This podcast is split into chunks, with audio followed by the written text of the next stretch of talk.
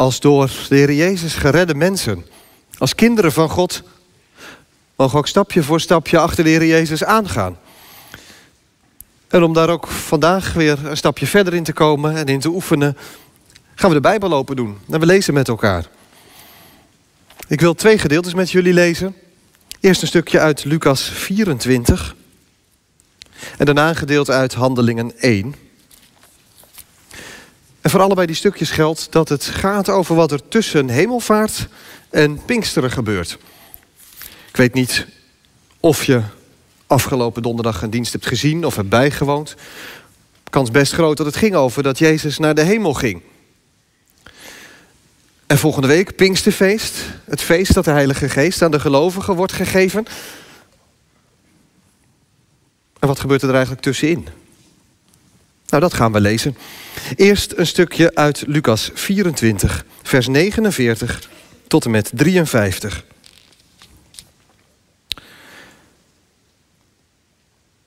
Daar zegt Jezus: Ik zend jullie wat mijn vader heeft beloofd.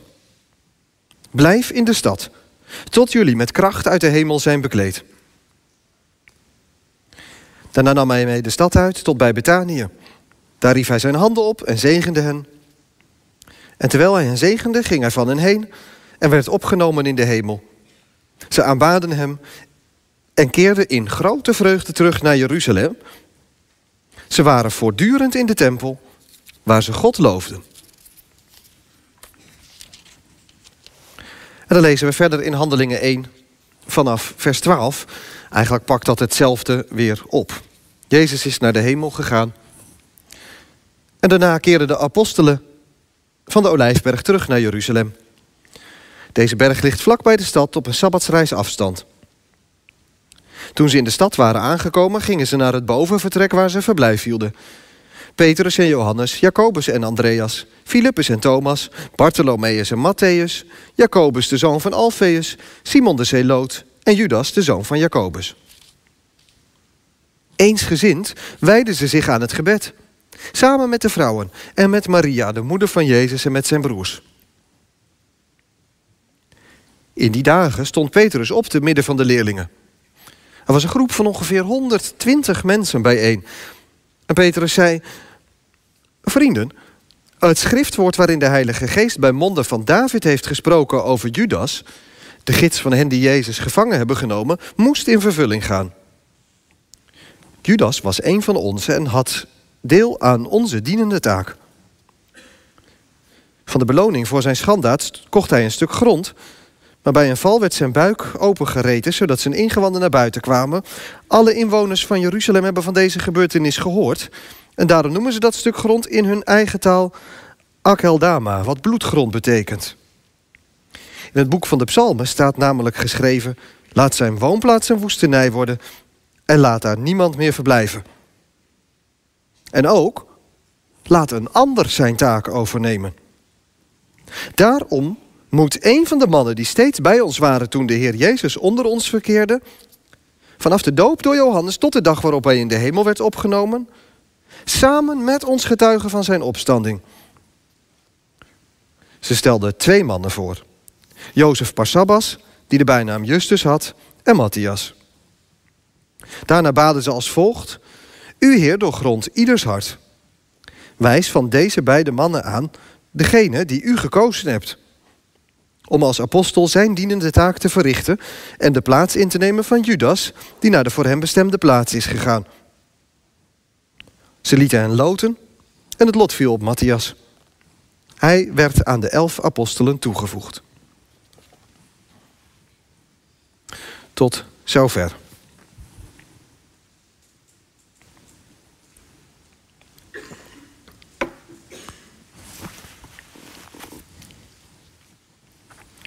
Het thema voor vanmorgen is als Jezus weg is. Als Jezus weg is. Wat doe jij als iemand van wie je heel veel houdt voor langere tijd is weggegaan? Stel je bijvoorbeeld voor dat je vader in het leger zit en weer een paar weken op training is gegaan in het buitenland. Of je bent tot over je oren verliefd geworden Maar je nieuwe liefde had net een wereldreis gepland en die wil hij niet afzeggen. Je houdt dan toch het liefst de herinnering aan diegene zo levend mogelijk. Elke dag denk je aan je geliefde. Je kijkt de foto's terug van jullie samen en van de dierbare momenten samen. En je probeert je de stem te herinneren van diegene. En misschien is dat juist wel als je weet dat je iemand helemaal niet meer terugziet in dit leven, omdat een afscheid definitief was. Als je wel de mogelijkheid tot contact hebt, dan, dan benut je die natuurlijk zoveel als dat kan. Je belt elkaar, je appt elkaar. En als je handig genoeg bent en een goede internetverbinding hebt, dan kun je met Skype of beeldbellen elkaar zelfs zien. En gelukkig, wat hebben we met elkaar in de afgelopen twee jaar een creativiteit ontwikkeld om elkaar toch te blijven ontmoeten en contact te kunnen houden. Want in de coronatijd zijn allerlei manieren ontwikkeld om met elkaar in contact te zijn terwijl je toch van elkaar gescheiden was. Ik zag bijvoorbeeld uh, in de buurt van mijn eigen huis boter, kaas en eieren op het keukenraam. Eén persoon aan de binnenkant en één persoon aan de buitenkant. En A4'tjes op de ramen van een zorgcentrum om een bericht te schrijven aan de ouderen daar. Met grote letters erop. Wat een vindingrijkheid om contact te onderhouden met mensen van wie je houdt. Maar ja, je kunt wel heel druk bezig zijn. En toch diep van binnen best wel voelen dat je gevoelens daarbij een beetje achter al die acties aanlopen. Want iemand niet kunnen zien, dat is moeilijk. Je kunt er verdrietig van zijn, omdat je het gemis zo ervaart. Of bezorgd, omdat je zo graag zou willen weten of het wel echt goed gaat met die ander. Of misschien zelfs wel boos. Ja, moest dat nou zo? Kon het niet anders?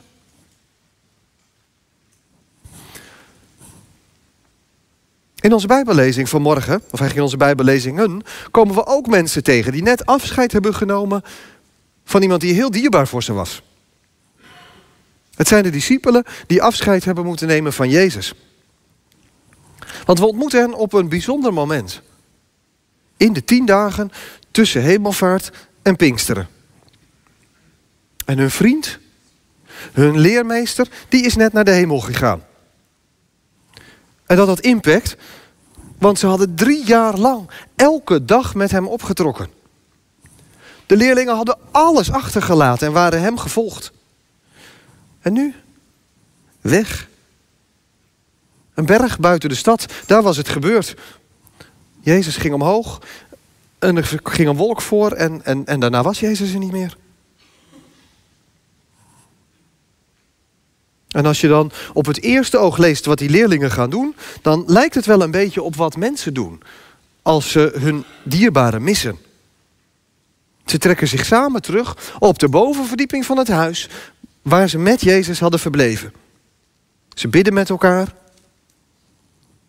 En dan wordt er wel eens gedacht dat dat een verdrietig bidden is. Zo van, ach ja, nou daar zitten we dan. En wat missen we Jezus toch? Idee van een clubje mensen dat troost zoekt bij elkaar, troost zoekt bij God, een beetje bangig voor de buitenwereld, de herinnering aan hun goede vriend levend houden. En eerlijk is eerlijk, de traditie van de kerk heeft dat beeld ook wel een beetje bevestigd door deze zondag Wezenzondag te noemen. Het idee dat Jezus is weggegaan en dan zijn leerlingen een beetje als weeskinderen achterlaat. Maar als je zorgvuldiger leest, dan ontdek je dat deze leerlingen helemaal niet een zielig, rouwend, achteromkijkend clubje mensen zijn. Lucas corrigeert dat beeld in zijn evangelie. Want in Lucas 24 schreef hij dat de leerlingen vol vreugde waren. En dat ze elke dag ook in de tempel te vinden waren om God te loven en te prijzen. Nou, dat is in ieder geval niet op mij de indruk van een lam geslagen, verweest clubje gelovigen. We hebben te maken met blije leerlingen van Jezus. En ze zijn zo vreugdevol omdat Jezus ook hele troostrijke woorden had gesproken voor hij naar de hemel ging. Ik ben met jullie alle dagen tot de nieuwe wereld komt, had hij gezegd. Dus ja, Jezus was wel weggegaan, maar op een bepaalde manier toch ook niet. Met die belofte doelt Jezus op de Heilige Geest. Ook al voordat Jezus aan het kruis was gegaan en was levend geworden uit de dood, had Jezus al een paar keer beloofd dat als hij zou weggaan, dat de Heilige Geest in zijn plaats zou komen. En dat had Jezus bij zijn hemelvaart herhaald. De Heilige Geest zal over jullie komen, jullie zullen kracht ontvangen en jullie zullen van mij getuigen. En daar wachten de leerlingen op. Op het moment dat die belofte van Jezus in vervulling gaat. En dat is dus geen zielig wachten. Geen achteroverleunen, terend op oude herinneringen.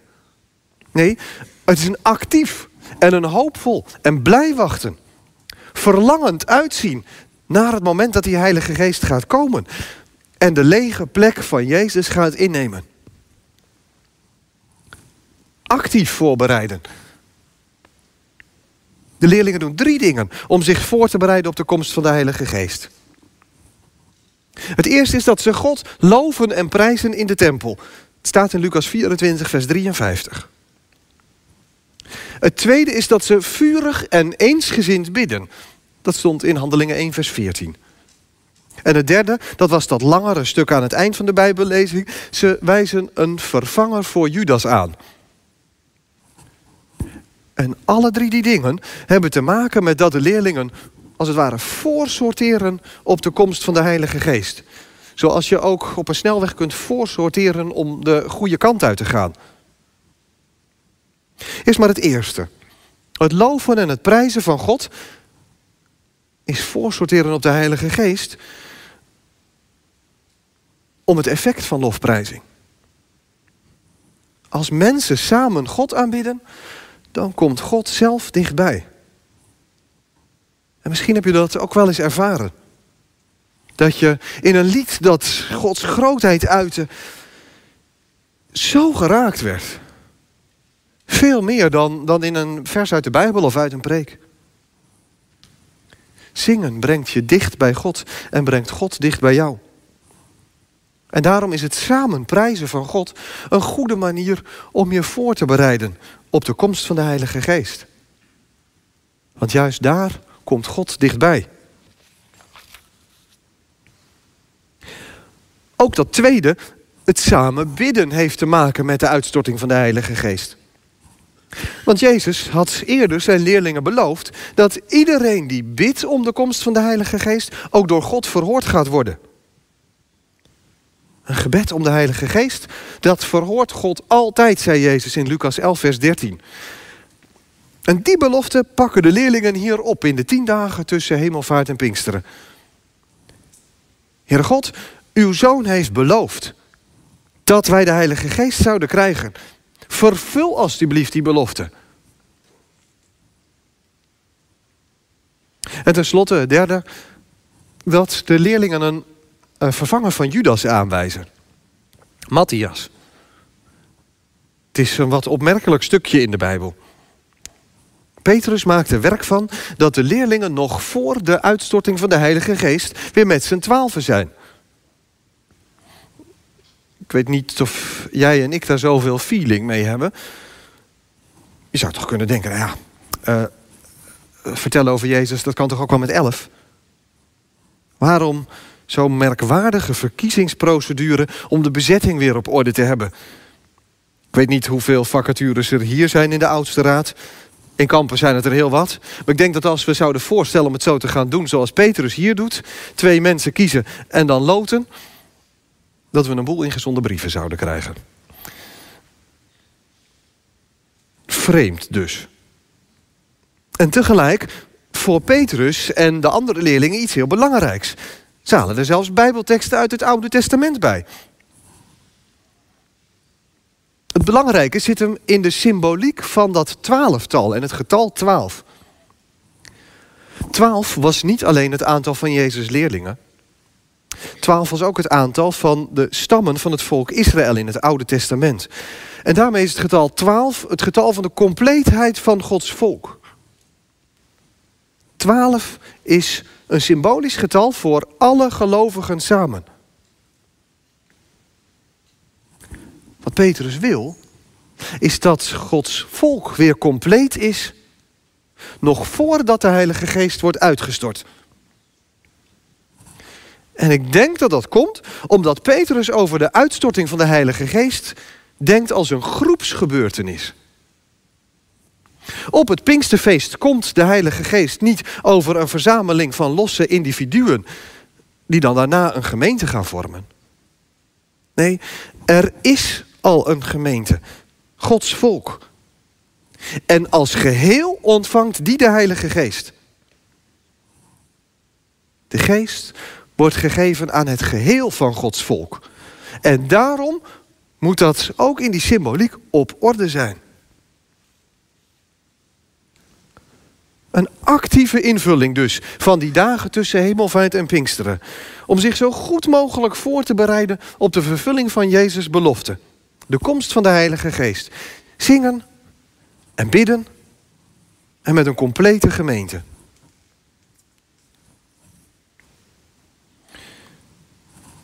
En ik denk dat wij best wel wat kunnen leren van wat de discipelen doen in die wachttijd tussen hemelvaart en Pinksteren. Of anders gezegd, wat zij doen in die tien dagen tussen hemelvaart en Pinksteren, dat kunnen ook wij doen in de tien dagen tussen hemelvaart en Pinksteren. En trouwens, niet alleen in deze tien dagen. Want de essentie van die tien dagen, waar die tijd tussen hemelvaart en Pinksteren voor staat, dat kun je ook op allerlei andere momenten hebben. De tijd waarin Jezus is weggegaan, waarin je Jezus dus op een bepaalde manier mist, maar waarbij de Heilige Geest nog niet gekomen is om die leegte helemaal op te vullen. Dus Jezus weg, je mist hem op een bepaalde manier en de Heilige Geest heeft die leegte nog niet helemaal gevuld. En dat kan een ervaring zijn die je het hele jaar door kunt hebben, op allerlei momenten in je leven. Misschien is het wel iets wat je heel sterk hebt ervaren in de afgelopen twee jaar. Tijdens die verschillende lockdowns die er zijn geweest. Het missen van de diensten. Het missen van de ontmoeting met elkaar in de hal. Dan weer wel, dan weer niet naar een kring. Het lijkt wel alsof je in de ontmoeting met elkaar ook de ontmoeting met Jezus hebt gemist. En dat het schrappen van al die dingen leidde tot een verflauwing van je geloofsleven. Niet per se dat je minder in Jezus ging geloven, maar dat je minder merkte van zijn aanwezigheid in je leven. Omdat het blijkbaar zo verbonden was met contacten met andere gelovigen. Het zou kunnen dat je nu nog steeds een beetje doorsuddert. Dat je ergens wel, wel weer verlangt naar, naar meer van Jezus en God in je leven.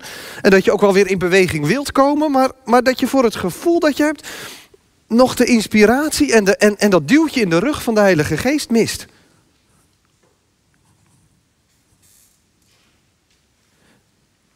Nou, als je dat herkent, dan wil ik je aanmoedigen om de dingen te doen die de discipelen ook deden.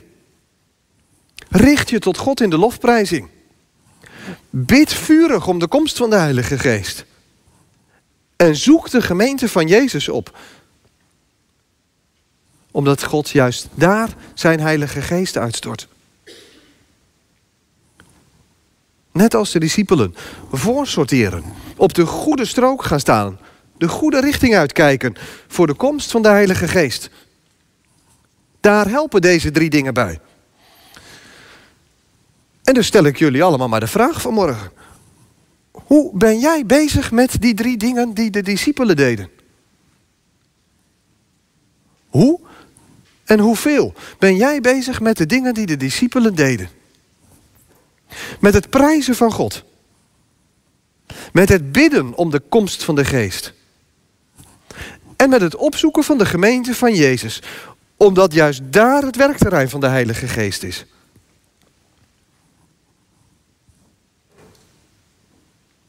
Ik hoop natuurlijk dat je daar al mee bezig bent.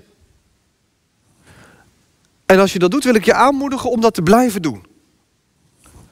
Ook als het misschien nog wel zoeken is naar nieuwe manieren. Omdat het anders is dan twee jaar geleden. Omdat het minder afhangt van een grote groep. Maak bijvoorbeeld door de week is een afspeellijst aan op Spotify of op YouTube. Of als je niet zo handig bent, pak dan die cd van dat mooie koor er nog eens bij. En ja, kom ook weer in de kerk om samen te zingen. Want wat inspireert dat ontzettend? Misschien moet je nog een drempel over.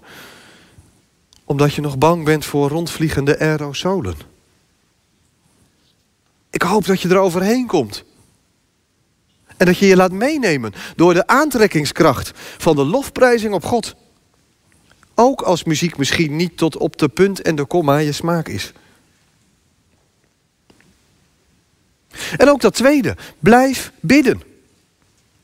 Laat je persoonlijke contact en het gebed om de Heilige Geest er niet bij inglippen.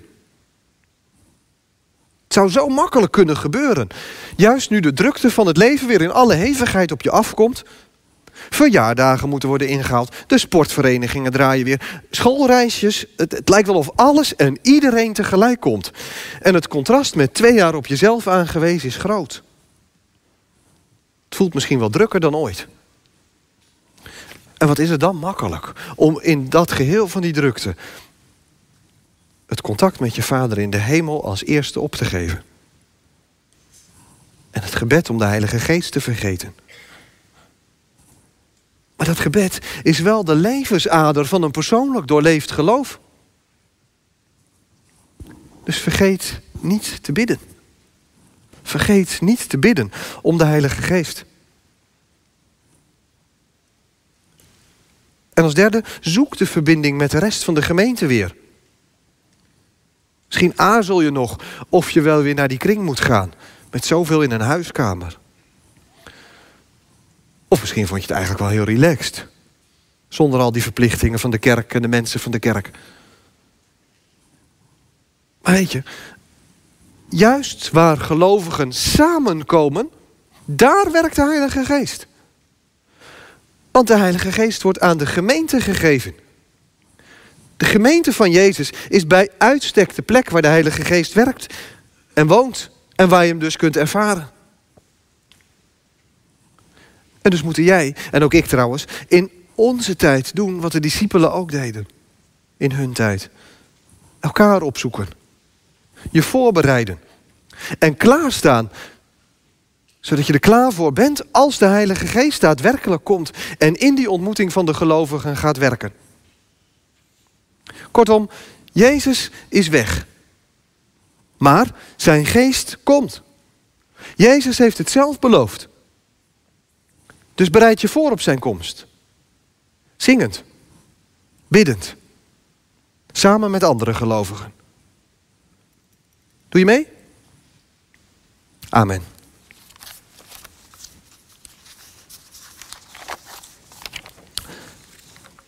Mag ik met jullie bidden? Vader in de hemel, dank u wel dat u ons uw Heilige Geest wilt geven. Dank u wel dat we toe mogen leven naar het Pinksterfeest. Het feest waarop we vieren dat u uw geest ook aan ons hebt gegeven. Wilt u ons helpen om daar op een goede manier naartoe te leven? Om ons leven zo in te richten dat we ontvankelijk zijn voor de Heilige Geest.